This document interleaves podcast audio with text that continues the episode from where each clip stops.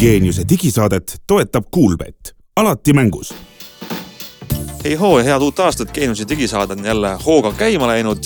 alustame CS saadet äh, tuttavas seltskonnas, Hans Lugas, mees Veljamäe, Kelm Külvre ja räägime hoopis täna kolme põneva saatekülalisega teemadest, mis meile on sellel uuel aastal eriti hingelähedased.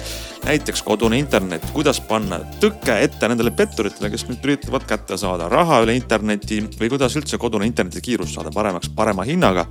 või siis sellest, kuidas tehisintellekt juba eelmine aasta hakkas ära võtma meilt töökohti ja kuidas see aasta see päriselt jõuab meile kohale, kuidas me valmistuma selleks peaksime, mida karta ja mida õppida võib-olla ka sellest, et kuidas me uuel aastal võiksime ja saaksime ja peaksime rohkem kasutama hoopis uut sorti seadmeid, mis on virtuaal ja liitreaalsusega.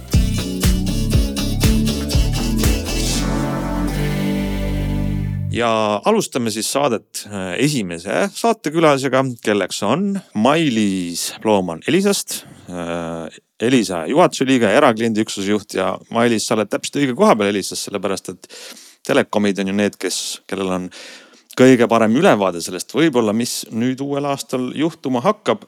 selles osas, kuidas kõik Eesti inimesed, kes tehnoloogiaga kokku puutuvad läbi telekomide, näeksid, mm, kas ja millised muutused meie ellu jõuavad.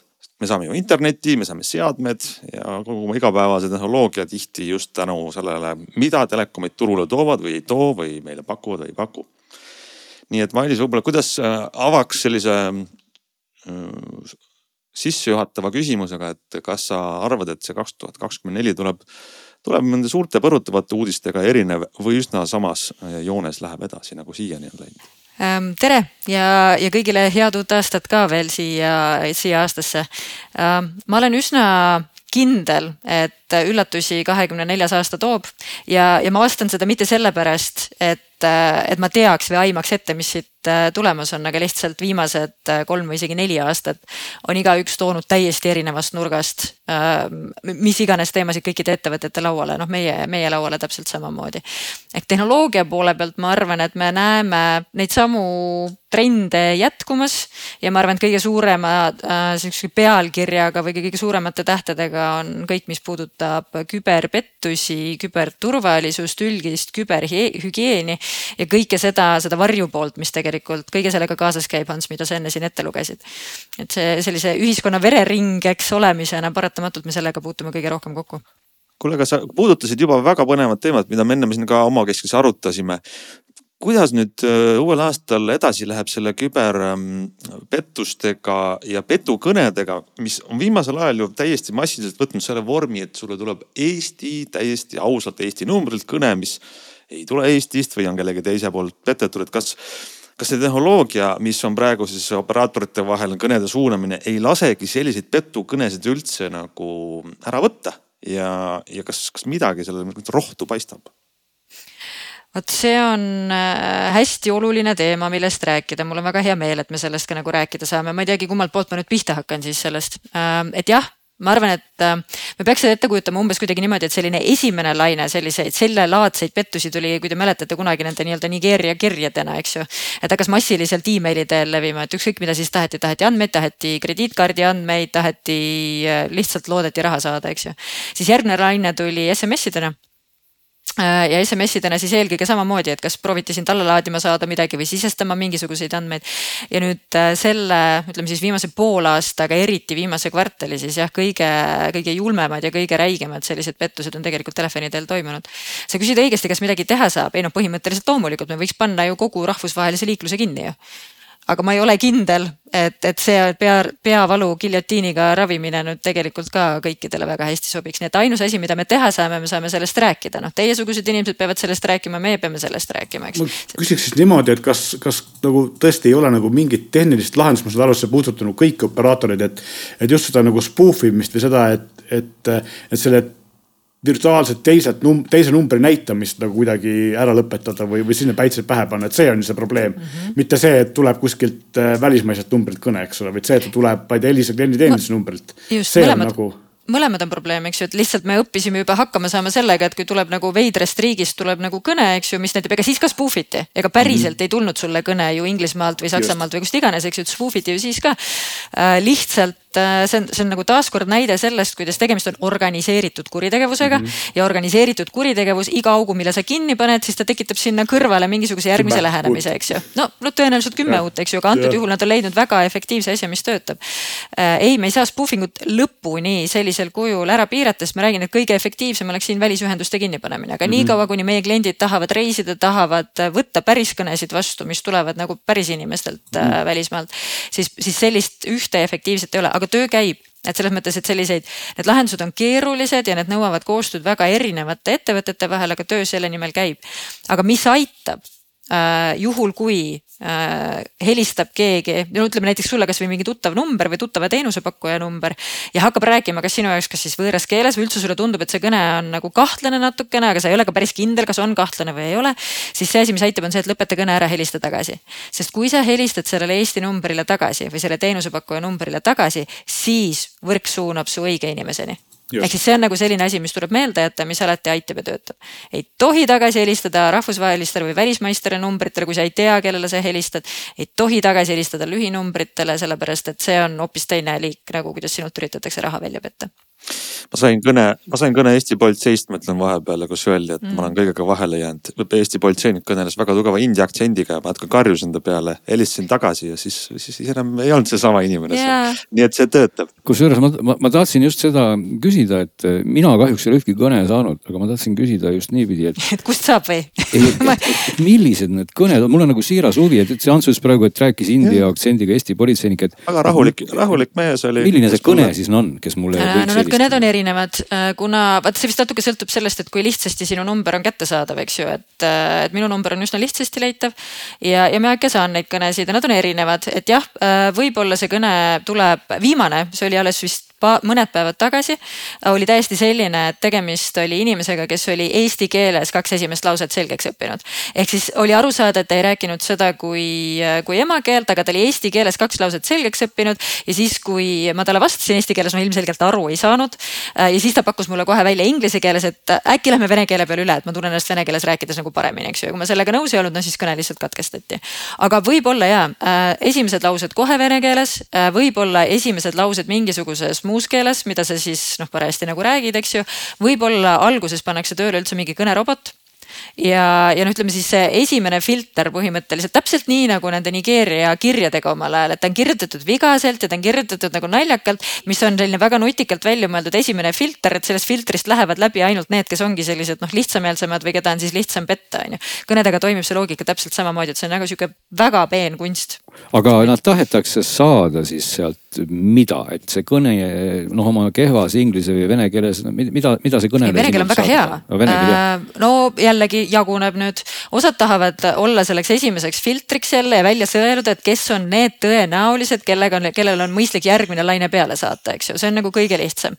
järgmine seltskond tahab saada kätte sinu mingisuguseid andmeid, tahavad nad siis meiliaadresse saada, tahavad nad mingisuguseid äh, mis tahes mingeid muid andmeid sinu käest saada, see on ka selline kergem variant natuke, siis sa saad ka tõenäoliselt mingi järgmise laine lihtsalt kuidagi, eks ju. kõige karmim variant on see, et sulle helistataksegi äh, pangast või justkui nagu telekomi ettevõttest ja öeldakse, et äh, ma ei tea, teie mm, iseteenindusse on sisse häkitud, me peame nüüd paigaldama teile mingisuguse tarkvara, mis nüüd aitab. Äh, ja, ja sa sulle viisil või teisel siis saadetakse kas mingisuguse lingiga see tarkvara või palutakse sul sisse logida kusagile ja siis sa laed mingi pahavara endale alla. mis siis ühendab su arvutiga Spotneti või siis noh, mida iganes ta siis nagu sinuga teeb või siis ongi päriselt mingi pahavara, mis on sinu lihtsalt sulle alla laetud. ja minul endal on kõige rohkem kahju nendest, äh, kelle, mm, keda siis veendakse selles, et logime nüüd sisse, sest ma nüüd aitan teid, näiteks telekomi operaatori puhul helistatakse, öeldakse, kuulge, teie number on hakanud teise võrku liikuma, et kas te tahate seda peatada. kui te tahate, palun sisestage PIN üks ja hiljem ka PIN kaks ja mida siis tegelikult tehakse, on see, et kas logitakse panka sisse ja kantakse raha ära, kui see sul on.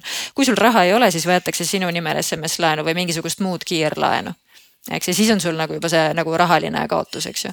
et need on need kõige, kõige karmimad äh, olukorrad. no aga põhimõtteliselt äh, peakski siin siis ikkagi teadma, et ütleme nagu see praktilise nõuandega, nõuandena kasutajale ütlema, et, et igasugune selline kummalise võitu kõne, mis tahab saada sinu isikuandmeid, ükskõik kui hea kvaliteediga see kõne on, on juba, on kollane või punane tuli, sest tegelikult kvaliteet läheb ju järjest paremaks. me siin ai-st räägime kogu aeg. varsti on need kõned ju perfektsed, varsti ei ole enam ja, aktsenti sellel politseinikul juures ega, ega. täiesti kellel... nõus ja kui on kahtlus, kui on väikegi kahtlus, siis ja see kõne on sulle sisse tulnud, siis katkesta see kõne ja helista tagasi. kui sa sellele samale numbrile tagasi helistad ja võtab keegi teine vastu, siis oli teada, milles on lugu, kui tegemist justkui on mingi teenusepakkujaga ja sa satud kusagile mujale, siis see on noh, taaskord nagu kinnitus sellest, et et sattusid nagu petturite otsa see on see uus suur probleem, mis on viimasel ajal tekkinud, mulle tundub, et kui vanasti oligi see, et helistati ja siis üritati nii-öelda jah, vigases vene keeles sinuga rääkida või, või heas vene keeles, eks ole, siis praegu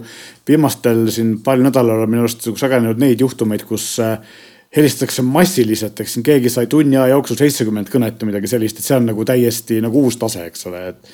et see, see on nagu eriti kuidagi noh, sinna tavaline vajalik kõne ei mahugi vahele enam lõpuks on ju nii on.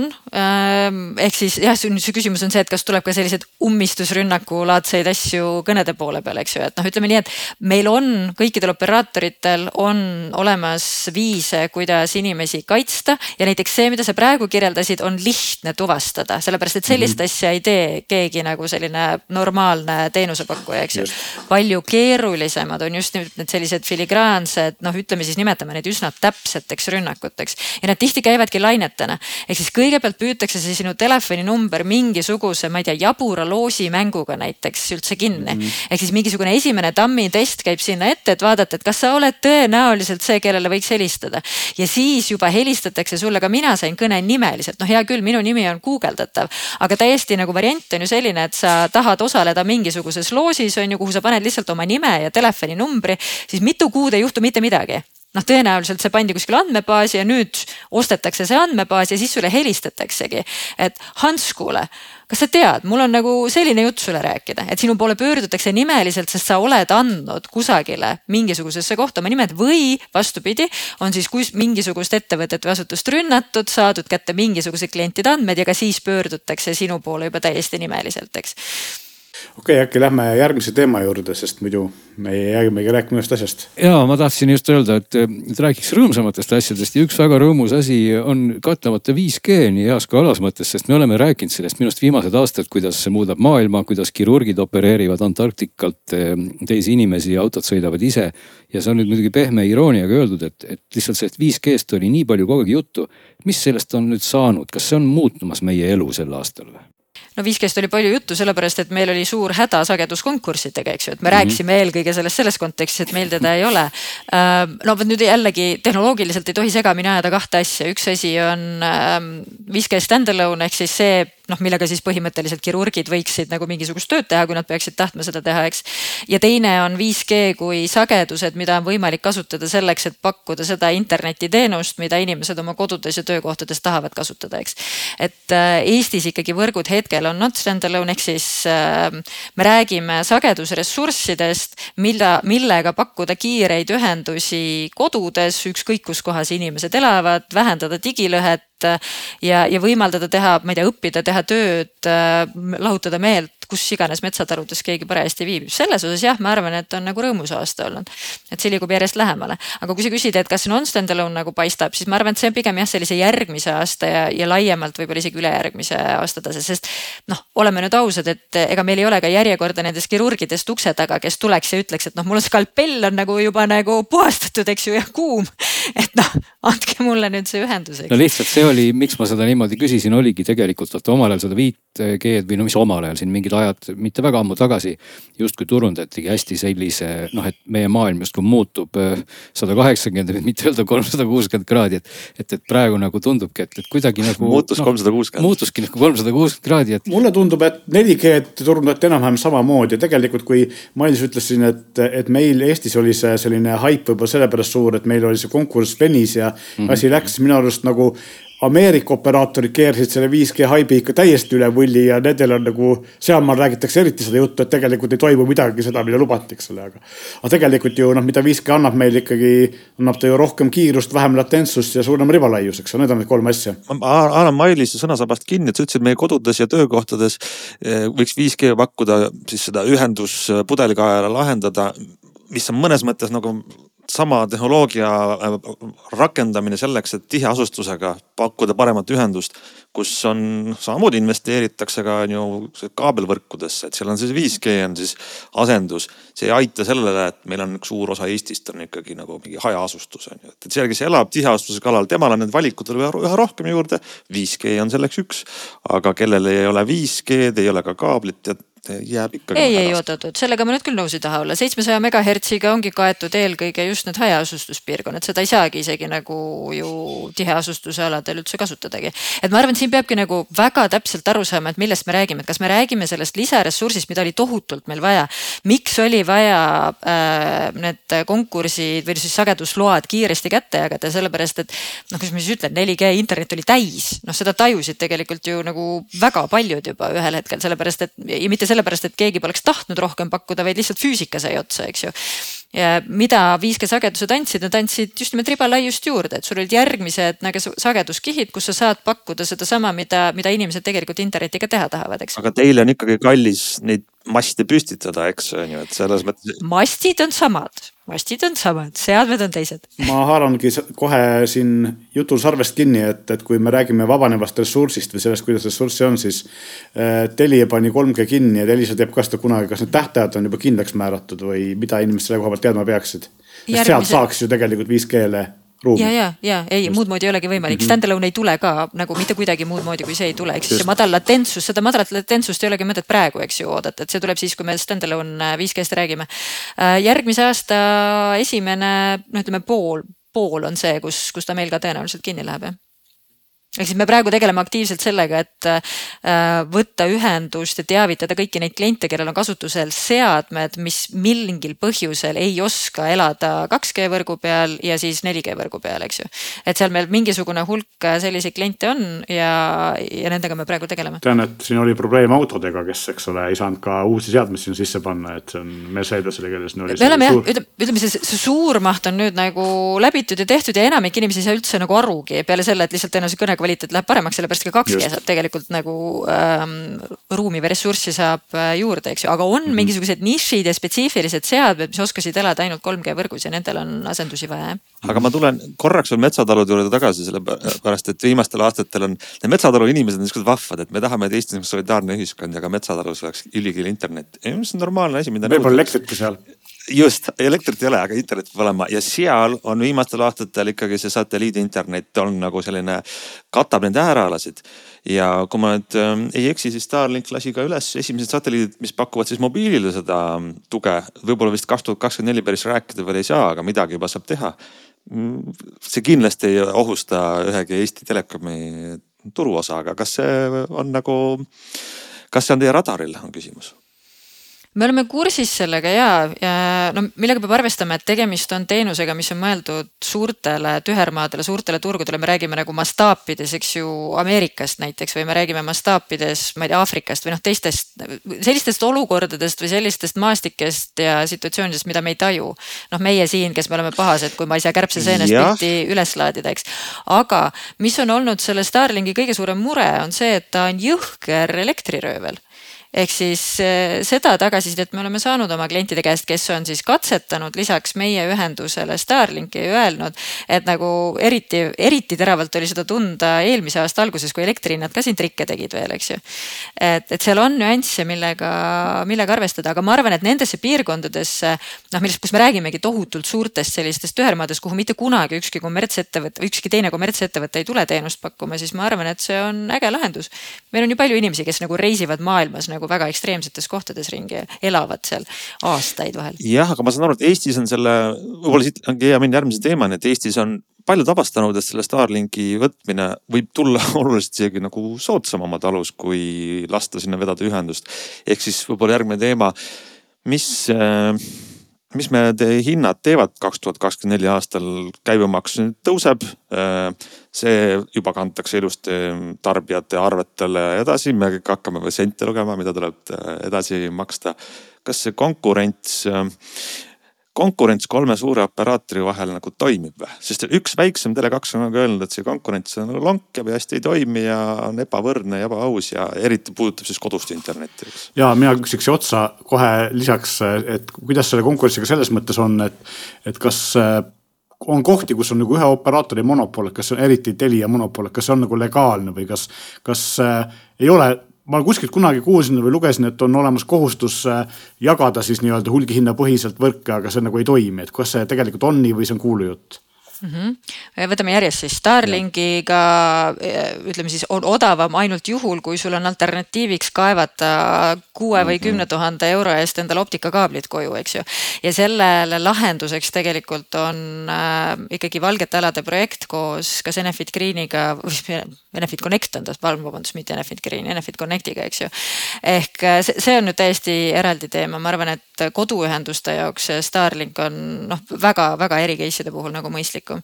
Äh, kas konkurents toimub, ma arvan, et konkurents toimub väga hästi, aga see ei tähenda seda, et siin ei oleks äh, probleeme, mida paremaks ei saaks teha, mis, millele Tele2 viitab tegelikult on nüüd sama see sild, mida sa nüüd praegu siia ehitasid, Meelis, eks.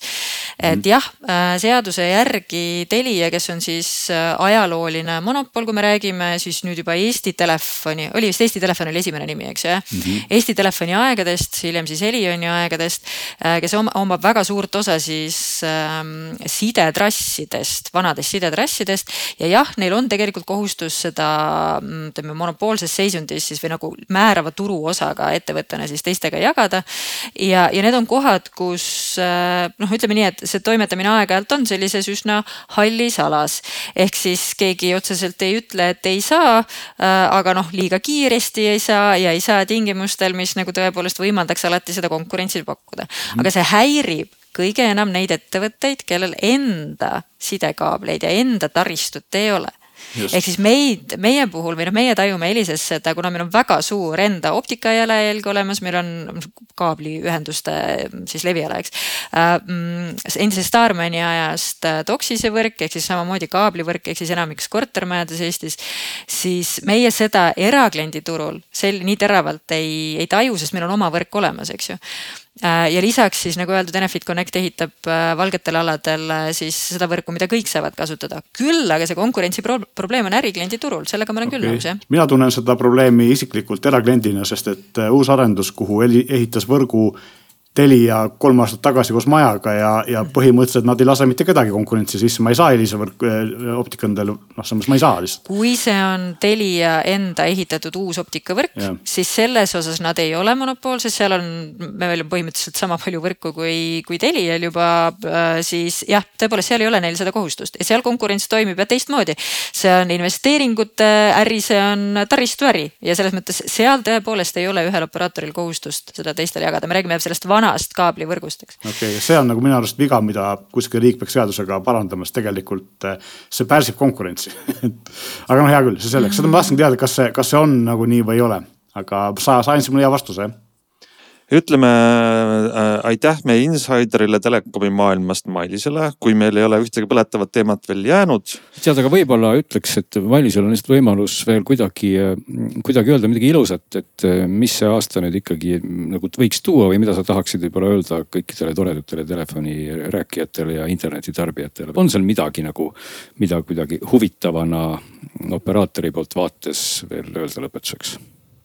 No aga teeme siis kahekümne neljandast aastast selle aasta, kus meil on äh, kõige, kõige tervem rahvas ja kõige targem, digitargem rahvas, kes äh, ise oskab ennast kaitsta nende küberohtude eest, mis meil, mis meid kõiki paratamatult kummitavad nii inimeste kui ettevõtjatena, et äh, oleme ise targad. ilus soov, aitäh aga jätkame oma nüüd selle aasta esimest digisaadet järgmise saatekülalisega, kelleks on Kristjan Port, kes on äh, kindlasti paljudele väga tuntud spordibioloog, teadlane, aga üldistatult vist oleks õige öelda, et tegeleb laiemalt uurimisega, milline on inimese töövõime ja, ja ei ole ju mingi nüüd saladus, et tegelikult viimasel aastal, isegi natuke rohkem, võib-olla kaks tuhat kakskümmend kaks lõpust alates oleme me rääkinud sellest, kuidas töö tegemise võime on masinal üllatuslikult suureks läinud, tehisintellekt äh, oskab ja suudab teha asju, mida me varem pidasime võimatuks. ja mõtlesimegi Kristiniga rääkida sellest, et mida me võiks oodata veel, mida masinad suudavad äh, meie eest asemel teha või meist paremini teha. aga võib-olla esiteks alustaks tagasivaatega, Kristjan, kas sinu jaoks oli üllatus, et me eelmine kaks tuhat kakskümmend kolm nii palju rääkisime sellest, kuidas äh, tehisintellekt on saanud nii võimekaks? jah, mõneti on need ju kõik üllatusena tulnud, et äh, ma ise panin tähele seda vahest mõned aastad tagasi, kui hakkad lihtsalt märkama, et, et ma iga päev loen vast sihuke kolm-nelisada sellist temaatilist artiklit või pealkirja ja siis hakkad nägema, et ühel hetkel nii nagu enam-vähem sihuke Google Analytics, et teatud märgusõnad hakkavad esile tulema, siis mõtled, et noh, et kui suitsud, siis kuskil tuleb tuld, aga et, et see, et et ta nagu nipsust ühe aastaga nii pööraseks muutub, et ma sellest ehitaks järgmise sellise hoiatava sõnumi ka, et, et ega tempod madalamaks ei muutu, vaid tempod äh, lähiajal on kasvavad ja need suunamuutused on palju kiiremad, kui me oleme osanud arvestada, aga jah, et, et see, see eelmine aasta ja vahest võivad ka natuke üle-eelmine aasta olid need, kus tempo muutus oli märkimisväärne. varasemalt võis isegi tähele panna ju seda, et räägitakse, oo jaa, et kogu aeg on räägitud, aga kohe tuleb uus tehisintellekti jääaeg, et see oligi vahepeal jäätunud aga sellega seoses on ju kohe ka reaktsiooni küsimus, et kuidas meie inimestena sellele reageerisime. ma ei mõtle ainult inimesi, kes töötavad meedias ja vahendavad seda, vaid võib-olla ka valitsused, kes kujundavad poliitikat ja ettevõtjad. mulle tundus, et see reaktsioon oli ikkagi, läks väga kiiresti sinna, et me peame olema valmis selleks, et need äh, võtavad meie töökohti, mõjutavad otseselt seda, kui palju tööhõivet on inimestel ja, ja kui palju suudavad ju ära teha need olgu nad siis keelemudelid täpsemalt või, või laiemalt tehisintellekt, et kas me reageerisime üle või see oli nagu adekvaatne? Ma ei oska isegi öelda, kas üle, ma mõneti ka see on natuke üllatav, et äh, traditsiooniliselt poliitika on reaktiivne. et siis, kui miski jama hakkab, siis valijatega, kui midagi või konkreetse valijaskonnaga midagi juhtub, siis lõpuks jõuab see poliitikuteni ka. aga et see on mõneti jah, üllatavalt äh, sellist äh, konstruktiivset ja proaktiivset ilmingut tuli välja, võib-olla ka sellest, et et nii nagu tehisintellekt ise ka ei ole ju mingisugune selles mõttes nagu murrang, vaid ta on lõpuks see päästik sündmus. seda on juba tükk aega ette valmistatud, meil on muid tehnoloogiaid ka selleks, et inimese tööd asendada. aga noh, see inimene on olnud selles äh, väärtusahelas praegu selles kitsaskohaks, nüüd me näeme, et, et peamiselt, mida inimeselt on tahetud saada no tema kehalisi võimeid ja neid me oleme kõik suutnud peaaegu teda asendada, et, et robot, robotid teevad seda väsimatult ja jõulisemalt ja täpsemalt, nii edasi. Aga inimesed on tahetud seda intellekti saada. Ja, ja tegelikult selle robootika osast ongi varasemalt tulnud esile neid vihjeid, et, et, kuidas see tööhõive on muutunud, kuidas väärtusahelad on muutunud, miks inimeste palgad on stagneerunud võrreldes hindade tõusuga et, et lihtsalt mida rohkem sa inimese tööd asendad, seda suuremaks muutub sellesama töö tegijate arv ehk palgasurve langeb. Ja seda palgasurve langust on ju poliitilisel arenil varem, varem ka nähtud. ja tajutakse selgelt ja siis oli, oli tegelikult see tehisintellekt oma sellise suhteliselt selge sõnumiga, et me hakkame nüüd ka seda intellektuaalset tööd asendama. et see vast jõudis osadele poliitikutele Äh, nagu minu arvates nagu selgemalt pärale ja osadele siis reaktiivsemalt, osa hakkavad ütlema, et ei, kõik on nagu vanasti, et me oleme varem ka olnud sellises olukorras, lihtsalt tööd tuleb juurde ja ja osad ütlevad, et, et vastupidi, et, et olukord läheb, läheb äh, muret tekitavamaks. ütleme, et nüüd aasta on peaaegu läinud, eks ole, seda, seda nii-öelda keelemudeli äh, hitiks saamisest. kas selle aasta jooksul on on selles mõttes juhtunud ju nii mõndagi, et alguses justkui taheti väga suure hooga tõmmata pidurit, siin tegid äh, väga nimekad ettevõtjad ju ähm, suure sellise üleskutse, et, et see kõik läheb väga-väga hulluks. Samas on olnud inimesi, kes ütlevad, et ah, et see ei ole midagi muud kui üks röster, et ega ta tegelikult ei tee ikka suurt midagi. kummas leeris nagu, nagu me võiks olla või, või kuidas sulle see vaade sinna on, et kas selline pessimism või optimism, et kui palju see tehisintellekt on siis juba muutnud või ta nüüd siis hakkab muutma kogu seda, seda tööhõive ja ühiskonna aluseid? ma arvan, et mõlemad vaated on eksitavad, pessimistlik ja optimistlik, vaid tähelepanelikkus on see, mis on sellises uues olukorras kõige olulisem, et, et kui sa oled kalju serval, siis optimist kukub alla ja pessimist ei liigu kuhugile ja sureb sinna nagu ära, et, et me peaksime ikka vaatama, mis olukord on. et, et see suur katse üle kolmekümne tuhande allakirjutanu tegelikult ei olnud ju eesmärk tehisintellekti arengut peatada, vaid vaid paljude jaoks jääb märkamatult selle, see olulisem sõnum on, et, et kas me suudame, kui asjad halvaks lähevad, pidurit panna, kui, kui inimesed kokku tulevad ja eksperdid kokku tulevad, ütlevad, et kuulge, et, et äh, prooviks pidurile vajutada. ja täiesti selge on, et, et me ei suuda seda pidurit vajutada.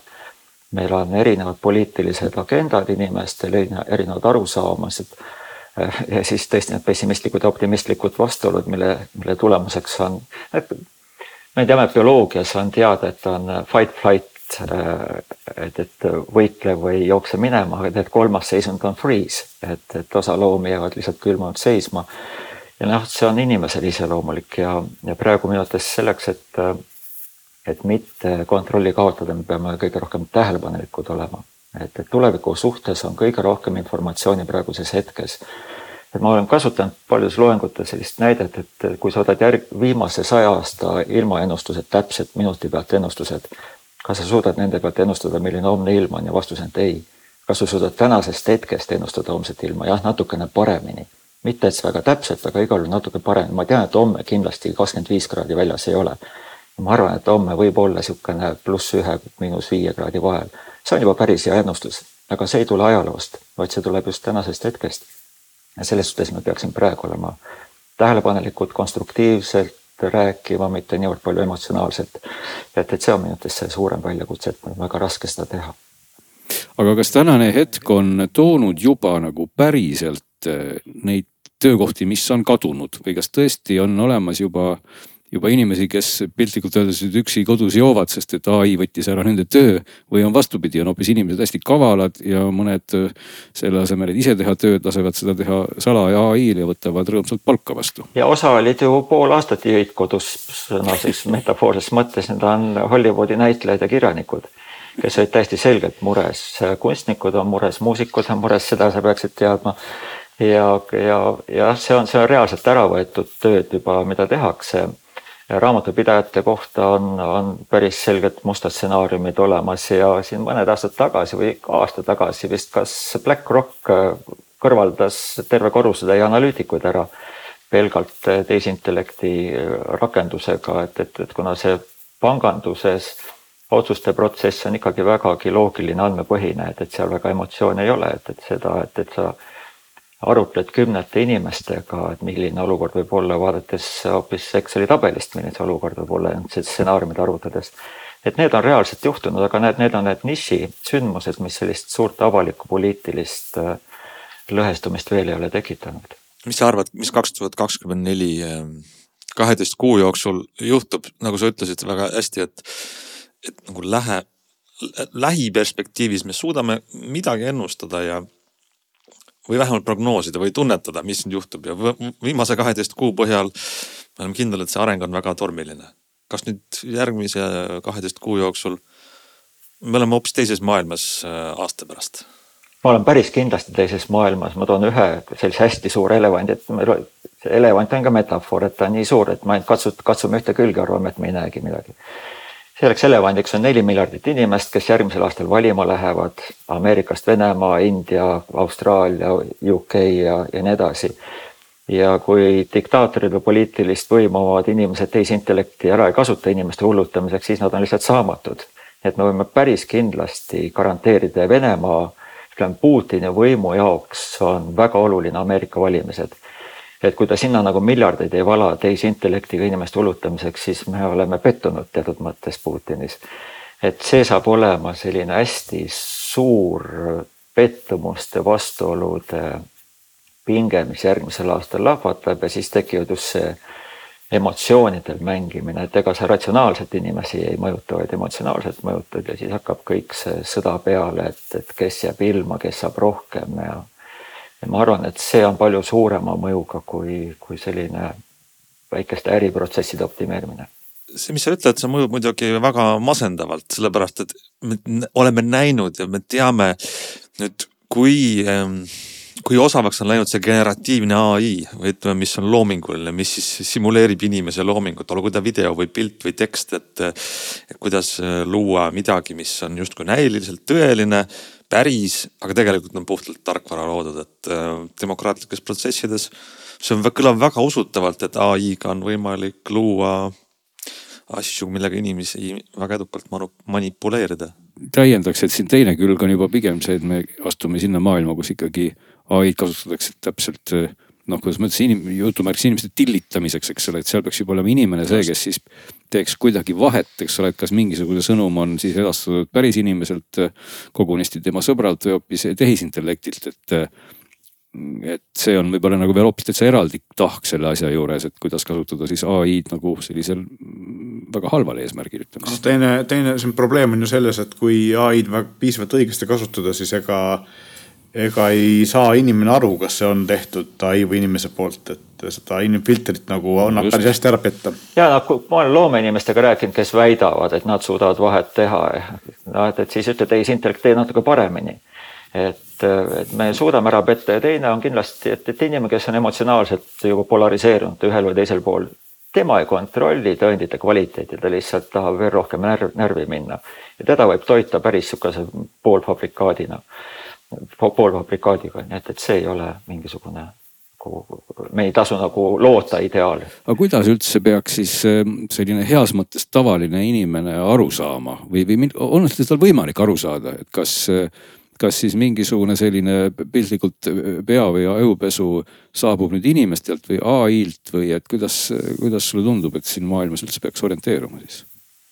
No orienteerumiseks ongi vaja teadmisi ja sellist vestlust ja, ja emotsioonide kontrolli, aga ja tõesti joonin alla seda, et, et see tehisintellekt mõnes teises ajastus oleks kutsunud esile teistsuguseid vestluseid, aga näiteks me oleme aastaid muutunud ja võib-olla Covid aitas sellele kaasa distantsiks, distantsid suhtlejateks, kus peamiselt on, mis pildil jääb ja millised emotsioonid domineerivad ja selles maastikus on väga raske loota, noh, sul on vaja ainult kriitilist massi inimesi, keda hullutada, et, et sa võid alati öelda, et aga mina olen tark ja et, et ma suudan eristada.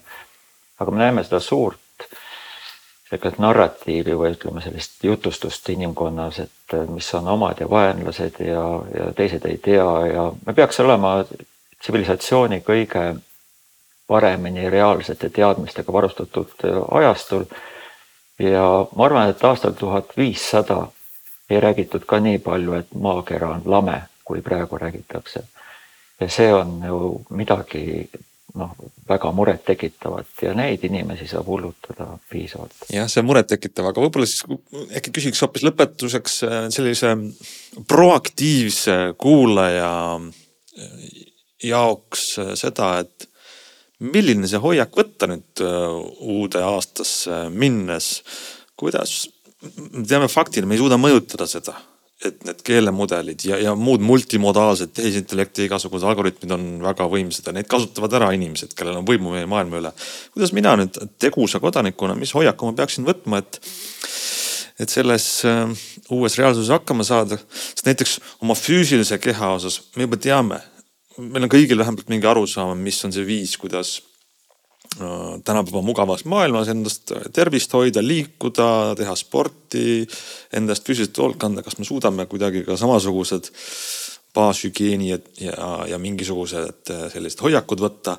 kuidas hakkama saada maailmas, kus tehisintellekt on juba väga võimekas, aga meie tahaksime ka olla siiski hea tervise juures üks on kindlasti õppimisvõime säilitamine, et et kui väärtusahelad muutuvad, siis see puudutab absoluutselt kõiki inimesi, osadele tekib võimalusi juurde, osadele kaob, kaob neid võimalusi ära. ja see juurde tekkimine tähendab, et sa pead õppima äh, midagi uut juurde ja noh, siin neid suurte riikide näited on selles mõttes nagu sotsiaalse laboratooriumi mõttes head, et et USA-s on siin juba aastaid ennustatud, seal jälgitakse tööjõuturgu, et iga eriala ja kui palju palka saab ja kui kaua ta seal püsib ja kui palju sinna ettevõtteid juurde tuleb. et selline ettevõtete eluiga muutub üha lühemaks, et see on niisuguse seitse aastat üle kaheksakümne protsendi, üle üheksakümne protsendi startup idest ebaõnnestuvad nii edasi. aga see nende, nad tulevad uuesti tagasi seetõttu, et nad on suutelised õppima, aga see moodustab ühiskonnast vähemuse ja, ja ma arvan seetõttu, et kui me igaüks eraldi ja kes seda, ütleme, see podcast'i ka kuulab, et need ei ole väga palju inimesi, aga vestelda oma lähikonnaga ja arutleda ja üritada hoida sellist äh, nagu meeldivat vestlustaset, mitte et sa nagunii millestki aru ei saa, siis inimesed lähevad kohe lukku, et, et vaidluse argumentatsiooni erinevus on just see, et, et vaidluses kannatab inimese ego, argumentatsioonis kannatab äh, vale, vale arusaam et kuidagi seda vestlust ka teiste inimestega niimoodi arendada, et, et nad huvituksid sellest rohkem, mitte et mul on valmis vastus olemas, et ma juba kuskil Facebookist kuulsin. et, et just see pinnapealsus ära kaotada ja, ja õppimisvõimet stimuleerida, et see on nagu meie kõigi jaoks hästi oluline aga kui vaadata sellist nüüd ütleme positiivset, võtamegi selle positiivse suuna nagu rohkem, et kas me oleme rääkinud siin, et äh, tehisintellekt võtab meilt kõigilt justkui ära hästi palju, noh eelkõige siis võib-olla tööd või sissetulekut. aga, aga kuidas sulle tundub, mida ta mida ta inimesele ikkagi heaolu mõttes nagu juurde annab, et kas ta toob hoopis siis mingeid töid juurde või siis on nii palju meil lihtsalt vaba aega, et me saame sama palju raha, aga ei teegi midagi, teeb seda tehisintellekt. või et, et kus võiks olla mingisugune plusspool, kui me sellistest erinevatest tööstusrevolutsioonidest paralleele tõmbame läbi ajaloo, eks ole, siis justkui on ju inimeste elu ikkagi läinud heal juhul nagu kergemaks. ma arvan, et siin võib selle optimismi nagu prillid pähe panna et kui me vaatame, et milleks tehisintellekt üldse, ütleme, inimene on selle tekitamas ja loomas, siis ta on peamiselt loomas ikkagi teatud tööülesannete täitmiseks. Ja kui inimesed on siin neid tööülesandeid täitnud ja mida keerulisem see tööülesanne, seda kõrgemat palka ta on saanud, siis tõesti kõige kallimat tehisintellekti rakendame kõige kallima palga töö vastu, et see on majanduslikult ratsionaalne et, et juhul, kui me kõik kaotame sissetulekus, tähendab seda, et me ei pea tööd tegema, aga järelikult neid asju, teenuseid on, on niivõrd palju juba saadaval, et tehisintellekt raha ei küsi selle eest, et ta peab lihtsalt eksisteerima. ja, ja see loob tegelikult teistsugused väljakutsed, et, et mida tähendab inimeseks olemine, et kas töö on elukese, et me praegu võime öelda, et, et meil on mitu põlvkonda sellist väärtussüsteemi kodus ka, lapsed ei, ma ei saa välja tulla, kuna, kuna ma pean tööd tegema, saa, saage aru, sinu huvides aga tegelikult ei ole ju, et, et see on minu enda huvides või, või teatud mõttes nagu ühiskondliku korralduse pantvangis olek. et selles mõttes, kui me asju untsu ei keera, võiks arvata, et, et me lahendame ära teatud intellektuaalsed ülesanded, millega me hakkama pole saanud, teatud ravimite temaatika, teatud materjali akumulatsioon, energia akumulatsioon, taastuvenergia kasutamine ja nii edasi. Et kui me need kõik odavamaks ja sirgjoonelisemaks saaksime teha, nii et, et see kadu on väike siis äh, ma arvan, et on potentsiaal, et elu läheb paremaks, aga, aga mis elu see on, kui me ei ole mõtestanud seda teisiti, et äh, see on see suur väljakutse. no kas seda peaks ka alustama kuidagi ka tänasest koolist, ma mõtlen, kas sa oled ka seda poolt natuke, natuke võib-olla vaadanud või et kas, kas tänane haridussüsteem, mis ta selle tehisintellektiga täna teeb või arvab üldse või on ta juba maha jäänud või vastupidi, õpilased salaja lasevad hoopis ai-l oma asju teha ja, ja nii-öelda jutumärkides lollid õpetajad ei saa aru või kuidas see pool äh, nagu välja näeb? ja no kool on hästi konservatiivne ühiskonna poolt korraldatud organisatsioon eesmärgiga just tagada seda mälu et, et me peaksime teadma, kuidas asjad käivad ja õpetades kultuuri, ajalugu ja, ja tehnoloogiaid, mida siis rakendada endises mudelis. aga praegu on näha, et noh, et, et ei ole loll õpetaja, minu arvates on tark õpetaja, kes nõuab lastelt, et kasuta kõige paremaid tööriistu, et, et oma töö tegemiseks. sest tulevikus nii või teisiti, kui sa neid tööriistu ei kasuta, siis sa oled töötu. et, et selles suhtes me näeme, et, et kooli enda väärtussüsteem, see, kuidas hinnatakse asju see, kui chatGPT suutis teha siin, ma ei tea, üle kümne erineva kõrge spetsialiteedi, eri, spetsialiseerumisega eriala eh, diplomieksameid. et, et siis me võime öelda, et arvatavasti eksamineerimine on kuidagi vale, et me peaksime seda eksamineerimist ümber vaatama.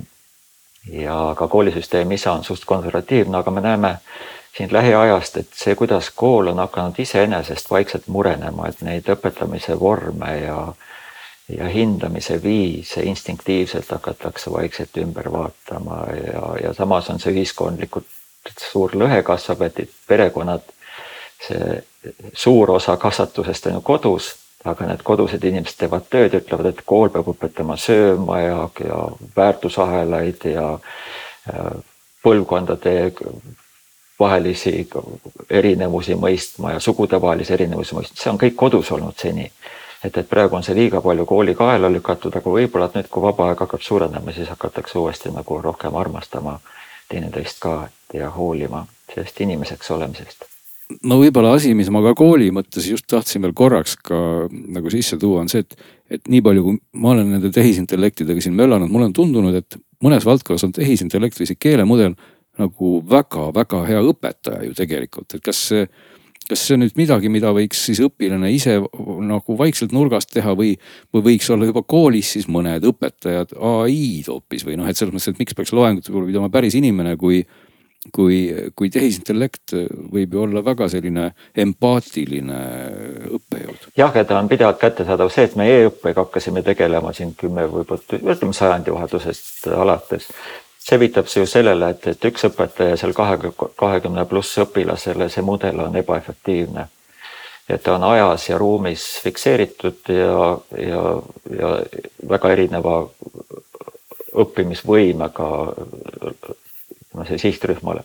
nüüd me näeme, et, et meil vastutus või kohustus iseenda ees on õppida elukestvalt erinevaid asju väikeste doosidena ja siin tehisintellekt hakkab asendama seda õpetajat mitte õpetajat välja tõrjudes, vaid täiendades tema ütleme sellise ühiskondlike tööriistade valikut, et õpetajaid on endiselt teatud astmel vaja, aga me arvatavasti peame ka selle ümber vaatama, et mismoodi näiteks matemaatikat õpetada, et järsku tasuks, tasuks kogu matemaatika anda tehisintellektile oma, oma rikkuses ja näidete ja väsimatuses võrreldes matemaatikaõpetajaga, aga sellist äh, elu ja inimeste suhete rakendamise matemaatikat, äh, see oleks hoopis teine, toredam väljakutse, et, et seda võiks ümber vaadata. väga õige, ma arvan, et siin on meil uh, uueks aastaks palju mõtteainet nii selles osas, milles tuleb olla valvas, kui ka selles osas, kuidas me saaksime ise õppida ja võimalustest ähm, kasu võtta ja ise koos areneda koos masinaga. Kristjan Port, aitäh selle aasta alguseks meiega rääkimast. aitäh, oleme sõbrad edasi. ja meie kaks tuhat kakskümmend neli aasta esimene Geeniuse digisaade on nüüd jõudnud oma kolmanda külaliseni, kelleks on meil Märt Lume, Eesti Virtuaal- ja Liitreaalsuse Assotsiatsiooni juht ja muidugi me tahame Märdiga rääkida esimese asjana sellest, et kas uuel aastal võiks hakata meie inimkond palju suuremal määral suhtlema arvutitega kuidagi teistmoodi kui ainult näppudega, et rohkem, veel rohkem silmadega ja veel rohkem nägema siis sellist reaalsust, mis ei olegi päris, vaid on kunstlik reaalsus aga enne kui me jõuame selle üldfilosoofiliste küsimusteni, ma läheme konkreetse äh, uudise juurde. eelmisel suvel teatas Apple, et nende äh,, mis selle asja nimi ongi, Vision Pro nimeline peakomplekt just tuleb välja nüüd jaanuaris peaks jõudma kohale. Märt, kas sa tead, kuidas selle kätte saab, kas sul on juba tellitud ja mm, loodad seda kandma hakata varsti? tegelikult tellimise info kohta selle, selle jään võlgu, ma tean, et veebruaris tuleb ta nii-öelda siis poodidesse ja et juba jaanuaris käib tihe treenimine seal igast Apple'i poest vist kaks inimest on, on seal peakorteris. Ähm, ja eks see rollout siis nii-öelda ongi selline väga vaikne äh, ja ainult nagu nii-öelda pigem nagu promomise eesmärgil, ma arvan, kogu selle esimese generatsiooniga. et see, seda saab siis ainult Ameerikas et ilmselt paljud püüavad seda kuidagi soetada endale. ja siin, kes on Euroopas edasi müünud, nemad on arvanud, kui see kunagi jõuab siia, siis ilmselt kohe mitte Baltimaadesse. ja, ja üldse, ta maksab ilmselt mingi viis tuhat eurot või midagi sellist, noh praegune seade vähemalt. just, et tegelikult ju kõige suurem probleem siin ikkagi on see, et see hind on selline, et ükski nagu selline äh, nii-öelda huvituv inimene, võib-olla natuke huvituv inimene seda ei osta, sa pead ikka tõeline fänn olema selleks, et seda esimest põlvkonda vähemalt esialgu osta, et see hind on nagu nii müstiline. isegi meil viiesaja euroseid koste ei osteta eriti, eks ole, rääkimata siis kümme korda kallimast seadmest. jah, et siin on pigem jah, selline no üldse, et, et see on, eks ju, strateegiliselt väga targalt positsioneeritud, et ta on nagu Apple'i ökosüsteemi selline laiendav seade pigem, eks ju, et et äh, üks ennustus on see, et kõik Silicon Valley programmeerijad kohe ostavad endale selle, et nad saavad, eks ju, kolm monitori endale silme ette, ükskõik kus nad on, et see ekraan on nagu piisavalt hea äh, resolutsiooniga. aga samas nad, me teame ka, et nad jäävad tööta varsti ai tõttu, nii et selles mõttes nad ikkagi vist ei osta.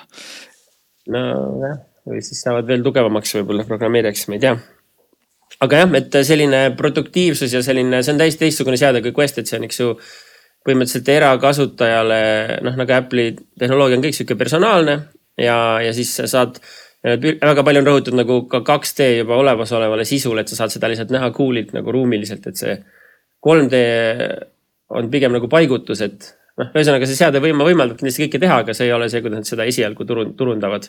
No aga siin, kui vaadata, siis nüüd võtame siis, keerame sihiku laiemaks või pildi, et, et on ju räägitud juba noh, väga pikalt kogu aeg, kuidas need prillid ikkagi tulevad ja, ja kõik muutub ägedaks. Quest on ju ikkagi seni olnud ainus noh, alates siis Oculusest juba nagu ainus seade, mis natukenegi siis üritab seda nii-öelda lumepalli või kuidas me seda nimetame, veerema lükata, aga ei ta nagu veereda taha ja ma olen nagu natuke pessimist, et ega nüüd viie tuhande eurone Apple'i seade ka seda sealt nõlvast alla ei lükka või kuidas sul ikkagi selle valdkonna optimistina nagu tundub, kuidas need, kuidas need eelmised aastad on olnud, tuli just nüüd ju see uusim Quest kolm välja, et kas, kas me umbes aasta pärast ikkagi oleme täpselt samas olukorras, kus me ütleme, et noh, peaaegu juba vist hakkab juba kunagi ikka see minema või või on see, on see selline nagu päris asi olnud rohkem ka meie lähivaate tagasivaates?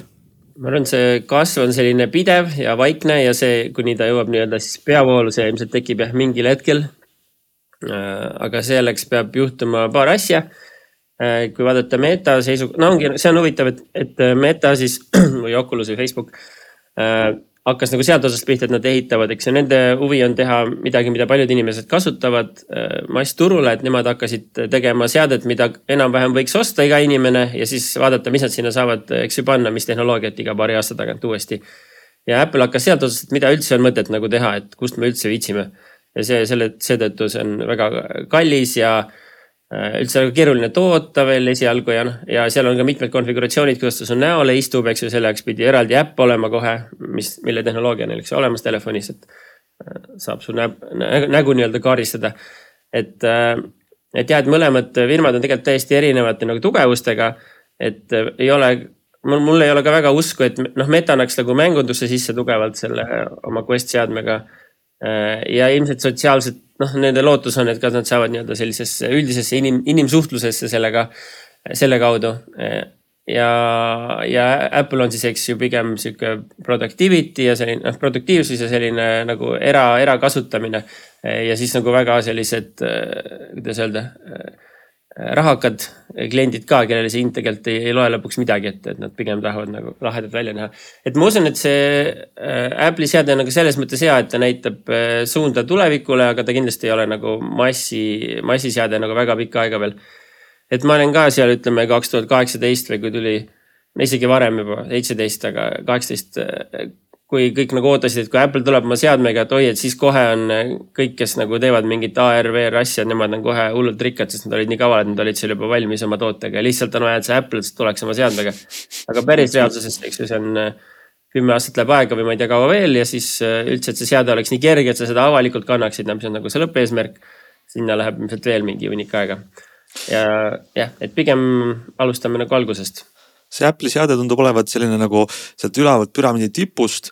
ja kõik loodavad, et ta siis nagu jõuab natuke allapoole laia, nagu hinna mõttes äh, rohkem kättesaadavaks. aga ma korraks Jep. küsin hoopis altpoolt. mida sa arvad hoopis sellistest algatustest nagu jällegi nüüd tegi Meta koos äh, Ray-Baniga prillid, mida sa saad filmida. mida vist on Snapchat ka varem teinud ka, mis on selline nagu väga igapäevane praktiline see prillid seitsekümmend viis protsenti siin saates olevatest inimestest kannab prille Eh, et sinna sisse hakkab vaikselt tekkima üha targem tehnoloogia, et kas see mingit mõju avaldab? jah, see tuleb teisest otsast, mul on need esimese generatsiooni prillid täitsa olemas. Eh, nendega on lahe, saad tantsida kellegagi kahe käega või last filmida, noh, ühesõnaga käed vabalt saad filmida, et see oli nagu see feature seal. Eh, millel on oma kasutuskoht, eks ju küll, ja siis uued prillid, nad, nad räägivad küll seal, et, ta oskab nagu öelda, mida sa näed ja siis selle kohta seda kuidagi parssida nii-öelda seda infot.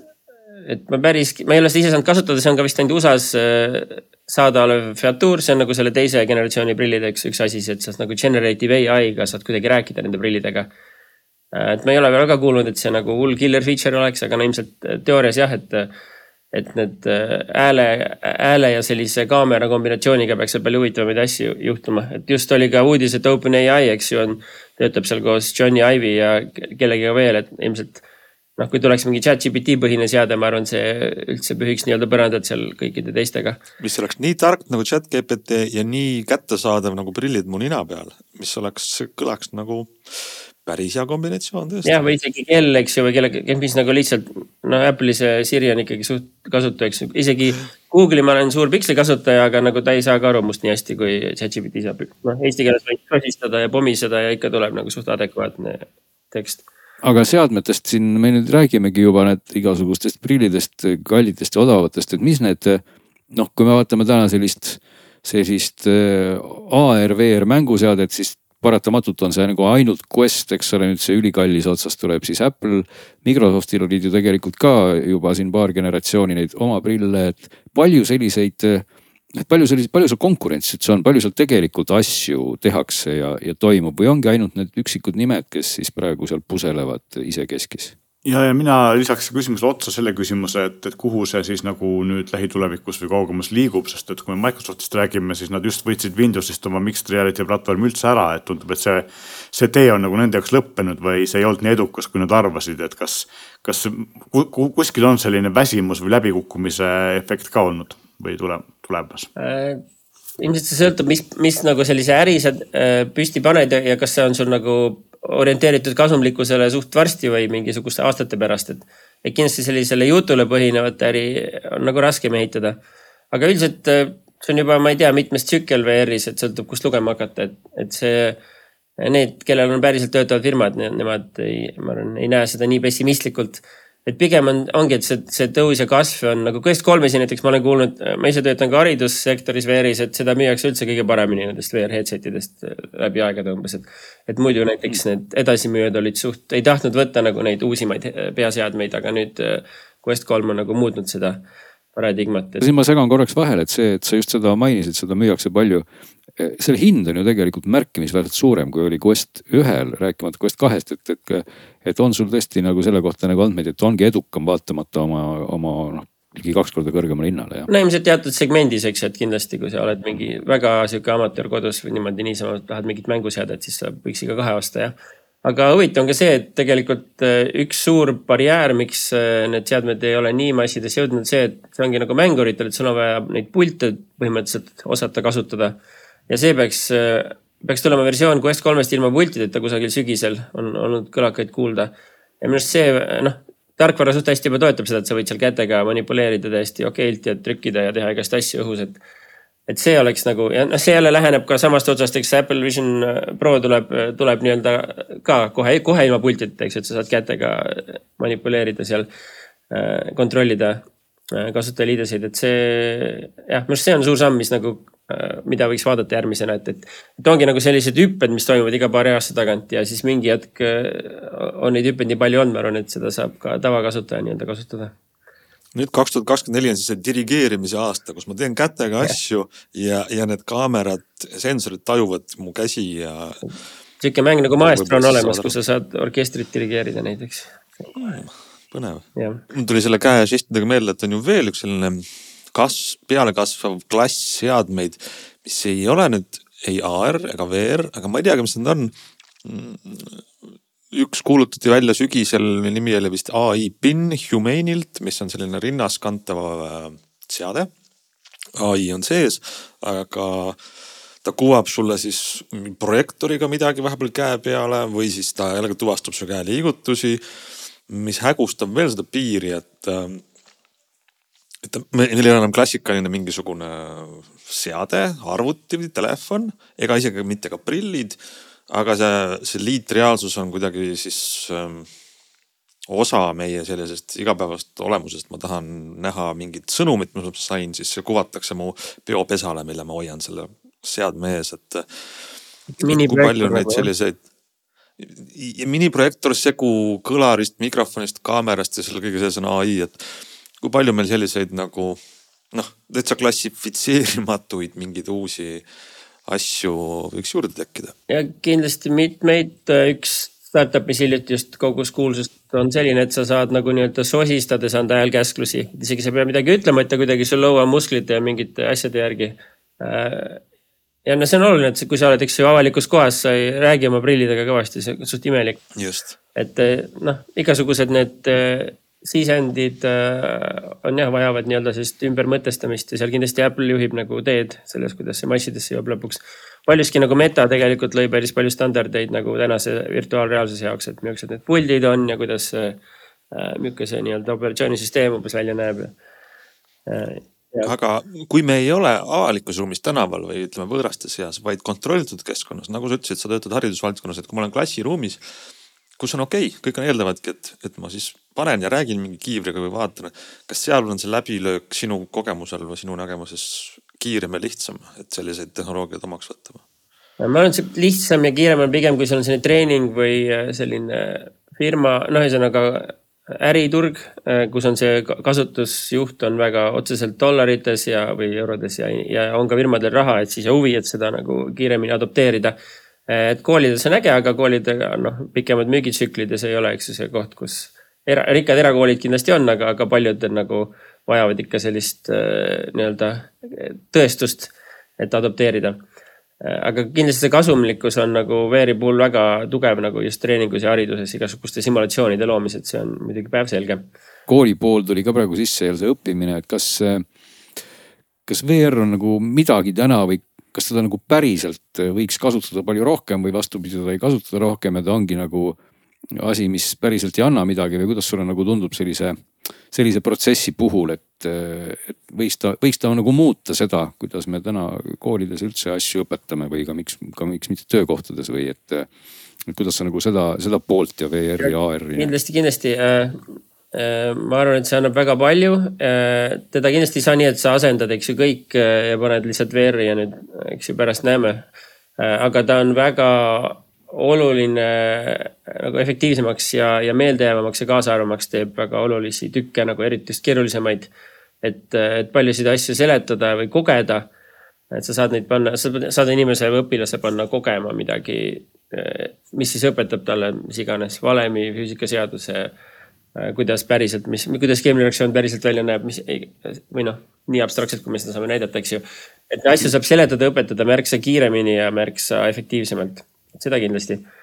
Ähm, jah, ja siis me lisame selle tükiga juurde, et, et tuleb ka liitreaalsuse, eks ju, komponent äh, nüüd peaseadmetesse, mis võimaldab siis ka näha nii-öelda päris klassiruumi ka, et sa ei pea tingimata ära olema, et tegelikult see, et sa ära oled kusagil mujal, see on super kasulik ka, et paljud õpilased, kellel on selline äh, tähelepanu, mis tänapäeval on väga aktuaalne probleem, eks ju, äh, mured, et nemad on väga kontsentreeritud keskkonnas, mis on täpselt disainitud ühe eesmärgiga, et see on, töötab super efektiivselt Äh, aga teine kasutegur on ka see jah, et sa saad nagu tegelikult inimesi koos panna samas keskkonnas juba pool nii-öelda digitaalsete asjadega äh, suhestuma ja seal õppima erinevaid asju, koos eksperimenteerima, et. on selle koha pealt ka mingeid reaalseid näiteid ja kas sul nagu, sa siin lokaalsel maastikul ka ju seda teemat siin palju lükkad puutud kokku, et kas, kas meil on ka päriselt juba klassiruume, kus õpilased panevadki piltlikult siis mõned prillid ette? selles mõttes mu enda startup või meie enda startup Fotoklass äh, konkreetselt, et me ei taha nüüd väga nagu sellist reklaami teha.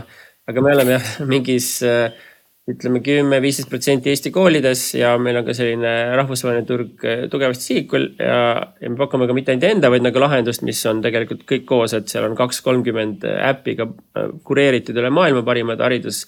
näiteks tänapäeval äh, igast, noh muusikat saab näiteks õppida niimoodi, et sul tulevad noodid, eks ju, päris klaveri peale sa mängid ja see nagu reaalselt töötab mm.. Äh, rääkimata siis keeleõppest, ajaloost, kõiki aineid saab nagu mingil määral õppida läbi virtuaalreaalsuse rakenduste ja siis füüsikat, keemiat ähm, aga kas seal, nagu sa nüüd klaverimängu kohe mainisid, no mulle just hüppas pähe nagu see tehniline piirang vist praegu, et kas see noh, kas me, kui me Questi vaatame, eks ole, ta ikkagi sinu käte liikumises eraldi sõrmi vist ei tuvasta, eks ole. see on väga palju parem asi muideks. ja et kõiki viite või kümmet sõrme ta suudab aru saada. ja see nagu, see töötab väga hästi mm -hmm. juba, et see viivitus ka on seal väga väikseks läinud mm. -hmm. et uus äh, chipset on võimaldanud seda ja neil on veel, sa saad pilte korraga käes hoida, ta saab nagu aru nii kätest kui pultidest ja tegelikult nad on isegi osad asjad pultidest ära võtnud, nad saavad äh, läbi selle ai nagu tuletada su käte asendile vastavalt, kuidas sa, kuidas sul puldid on tegelikult või, või ka vastupidi, et kui käsi on puldi taga, siis ta nagu teab, kuidas seda hoiad umbes ühesõnaga, seal on edasiminekuid olnud ja palju need väiksed asjad ongi, mis nagu lõpuks viivad siis mm -hmm. suurte tulemuste ja läbimurreteni. aga kokkuvõttes, kui palju ikkagi on veel see sisu ja sihuke muna-kana probleem sisu ja tehnoloogia vahel, et meil on nüüd omaette klassseadmeid, mis võivad väga sellist toredat reaalsust meile luua. aga selleks on vaja eraldi sisu luua ja ükskõik, kust ma näite võtan, ma ei tea, loon arvutimängu või teen mingit oma kollektiivis mingit koolitusmaterjali või klassi õppetundid, siis ma pean mõtlema, mis platvormi ma toetan näiteks, ma ei tea, mängude puhul. kas ma teen selle mobiilidele, konsoolile, PC ja nüüd ma siis pean veel tegema veel eraldi versiooni virtuaalreaalsuse mingitele komplektidele, et senikaua kui need on sihuke niši tehnoloogia.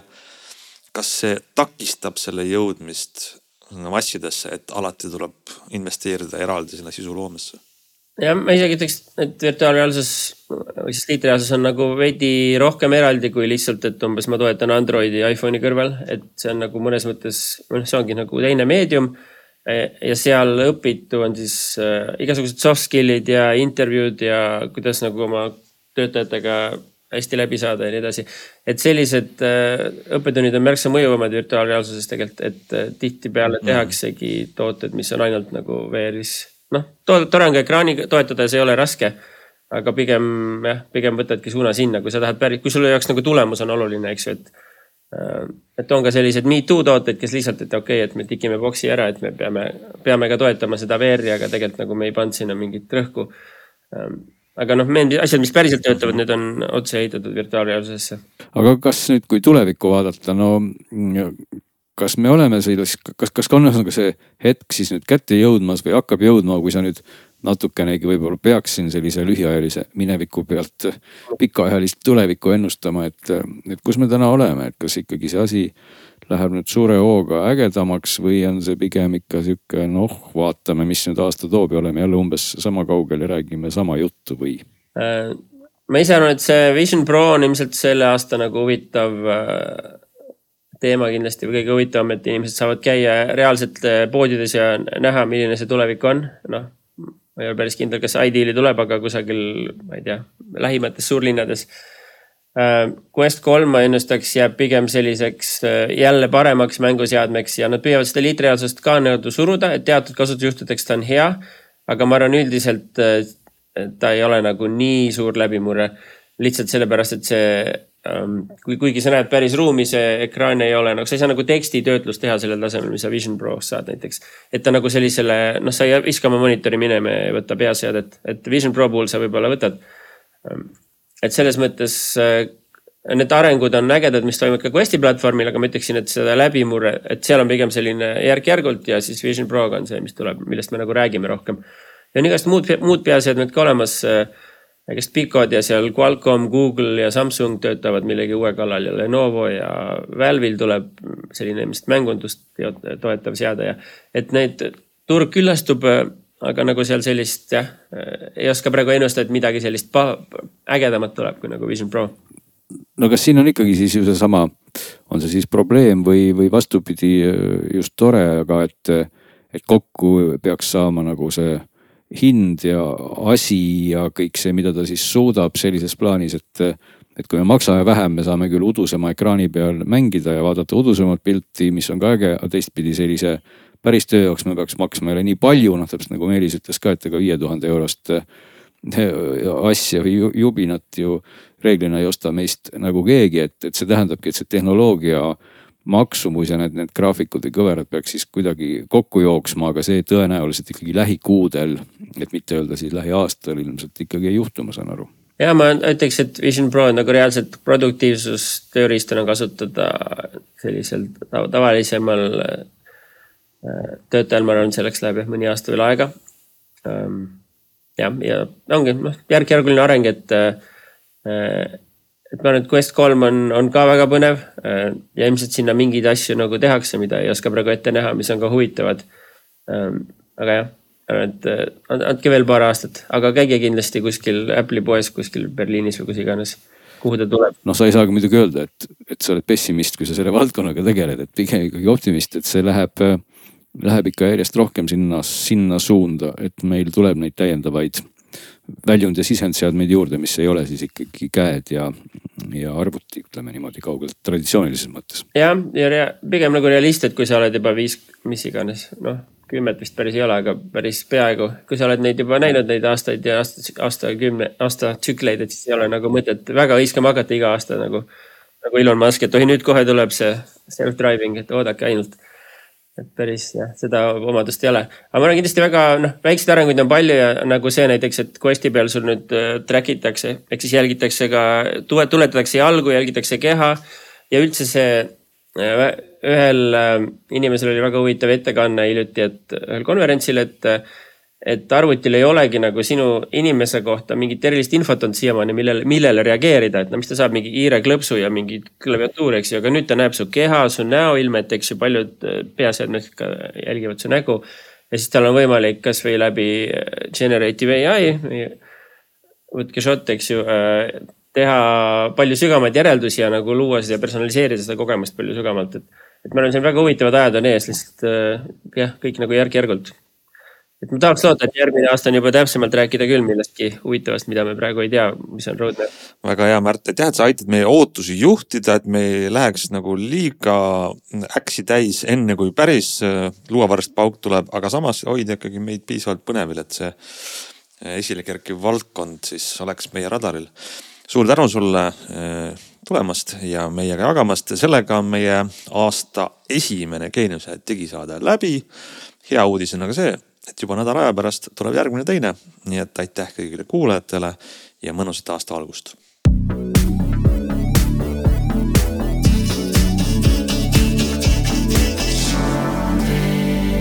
Kuulbett, alati mängus